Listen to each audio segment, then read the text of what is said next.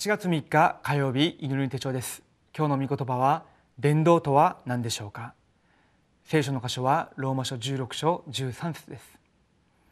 主にあって選ばれた人ルポスによろしく。また彼と私との母によろしく。え皆さんは今日の伝道御言葉祈りどのようにされていますか？日本の現場でこの今日の3つを実践するということはとても重要なことじゃないかと思います。なぜなら実際的に日本の現場で本当の意味で福音を伝える人というのが少ないからです先週、えー、私が今日の伝道御言葉祈りそれを自分なりに考えながら天国の祈りをしてました。ですけれどもその日というのが修練会などのスケジュールによって実際私が未信者にあったり未信者のいるそういった現場に行って福音を伝えたりそういうことができる状況ではありませんでした。ですけれども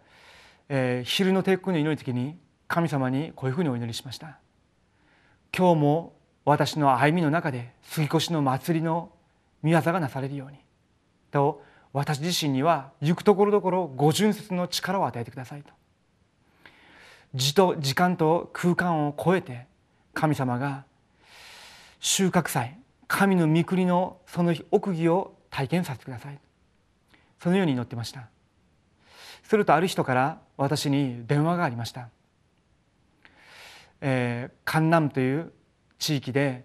私の知っている日本人がいるんだけれどもその日本人と会ってもらえないかということで連絡があったのでその方に会いに来ました。会ってみると、えー、とても、えー、お金持ちでエリートの方でした。その方に会って、えー、話をしているうちにその方が不眠症に陥っているということが分かりました。それで私自身が体験してきたことと福音について説明をしました。福音を伝えた後今この場でもイエスをキリストとして心に受け入れるんであれば精霊が宿られて神様の子供になるんだということを伝えるとその方が少しして急に泣き出しました。そうしながら自分自身がこのことを本当に必要だと今日自分が自分の部屋に戻って夜一人で神様にキリストを受けるお祈りをしたい。そういうふうに告白しました。後で聞いたことですけれども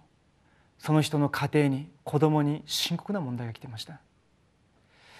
実際家もとても裕福で本人もエリートで何も足りないところがないんですけれども来る霊的な問題それを解決しようと占い師また有名な僧侶また神社いろんなものにより頼んでましたけれども解決できなかったということです私たちがほんの少しだけ今日の伝道そのことを自分のスケジュールとつなげながら考えるだけでも神様が本当に不思議な出会いの祝福を与えられたりと私のそのスケジュールの中で神様が救いの働きを成し遂げられることを見ることができます。今朝もある方から電話がかかりました。私が先々週にある地域で、えー、住職者の手紙伝道資料を、えー、渡したんですけれどもそれを受け取った方が実はタラパンをしているメンバーの、えー、親戚の方だったみたいですね。それでその方がたまたまその人に会いに行った時にその伝道資料を見て自分のその親戚にこのようにして伝道資料を渡して福音伝えようとしてくださってとても感謝だと言って私に電話かかってきました。そういった知らせを聞きながら私自身も感謝だなというふうに思いました。私たちの全ての歩みを通しながら福音が述べ伝えられるように今日私のスケジュールを通しながらどのようにしたら伝道運動をすることができるか少しだけ考えるだけでもその小さな働きによって神様が大きな救いの働きを成し遂げられます。では今日の序文を一緒に見たいと思います。商人は知っていることを言い見たことを言い持っていることを言う人です。伝道はイエス・キリストを知らせることです。キリストはメシア油をそがれたものという意味のある言葉です。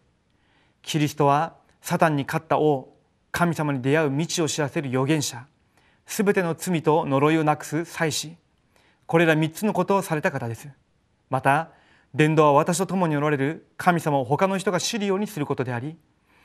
伝道は神様の重要な時刻表です。この伝道を正しく理解した人々がローマ書16章に出る人々です。それならばこの伝道はどのようになされるんでしょうか。一つ目です。伝道は神様が私たちの人生全体を置いて行われることです。私たちの人生全体を置いて神様が行われることが伝道です。アラムの国の最高の将軍であったナーマンが死んでいく時将軍に仕えていた少女の一言が彼の人生を変えました。このように伝道はとても小さなことように見えますが大きな働きをなすことです。二つ目です。伝道は神様がすべての世界史を置いて行われることです。本文のルポスは誰でしょうか。イエス様が十字架を背負ってゴルゴタに登られる時その十字架を代わりに背負って登ったクレネ人シモンの子です。彼の母はクレネ人シモンの妻です。この人がルポスのような人物を育てただけでなくパウロを助けました。このように私たちがする信仰生活や伝道のための祈りがとても小さなもののように見えても実はそうではありません。伝道は神様が人生全体だけでなく全世界を置いて動かされることです。3つ目です。伝道は永遠という自己表を置いてなされる行為です。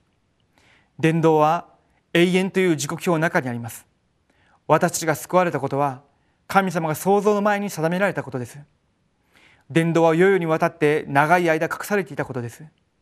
永遠という自己表を置いて神様がなされる行為が伝道です。伝道のための小さな献身と祈りは神様の大きな答えと働きをもたらす祝福になります。伝道を通して与えられる答えは永遠な答えであり祝福です。それであれば今日も神様がこの救いの働き伝道のために私の全てを動かしていらっしゃるということです。私たちがその中に入っていくんであれば神様が私たちを通して実際に私の周囲にいる人と私の行く現場地域全てを生かすようになされます。そのために私たちの生活私のスケジュールを伝道とつなげていくことです。今までただ買い物に行っていた今までただバスに乗っていた今までただ友人と会っていたそれを全部伝道につなげてみながらどのようにしたらその瞬間瞬間の中で福音に伝えれるか。そのために私が何を準備するかどのように祈るか何を語るかそのことを考えているだけで神様が多くの答えを許されるし証人として立つ力も与えられるしその中で私の過去現在未来を癒されます伝道の中に全てがあるということを確認する一日になるように今日もお祈りしたいと思います。では今日のフォーラムの次第です。私と伝道はどのような関係がありますか？一日を過ごしながら私の人生とスケジュールはどれくらい伝道と関係があり伝道の祝福の中に入っているか深く黙想しましょう。お祈りします。父なる神様に感謝を下げます。私たちをレムナントとして伝道者として召してくださった恵みに感謝を下げます。私が本当に神様が願っていらっしゃる伝道運動の中に自分自身の生活を入れていくことができるように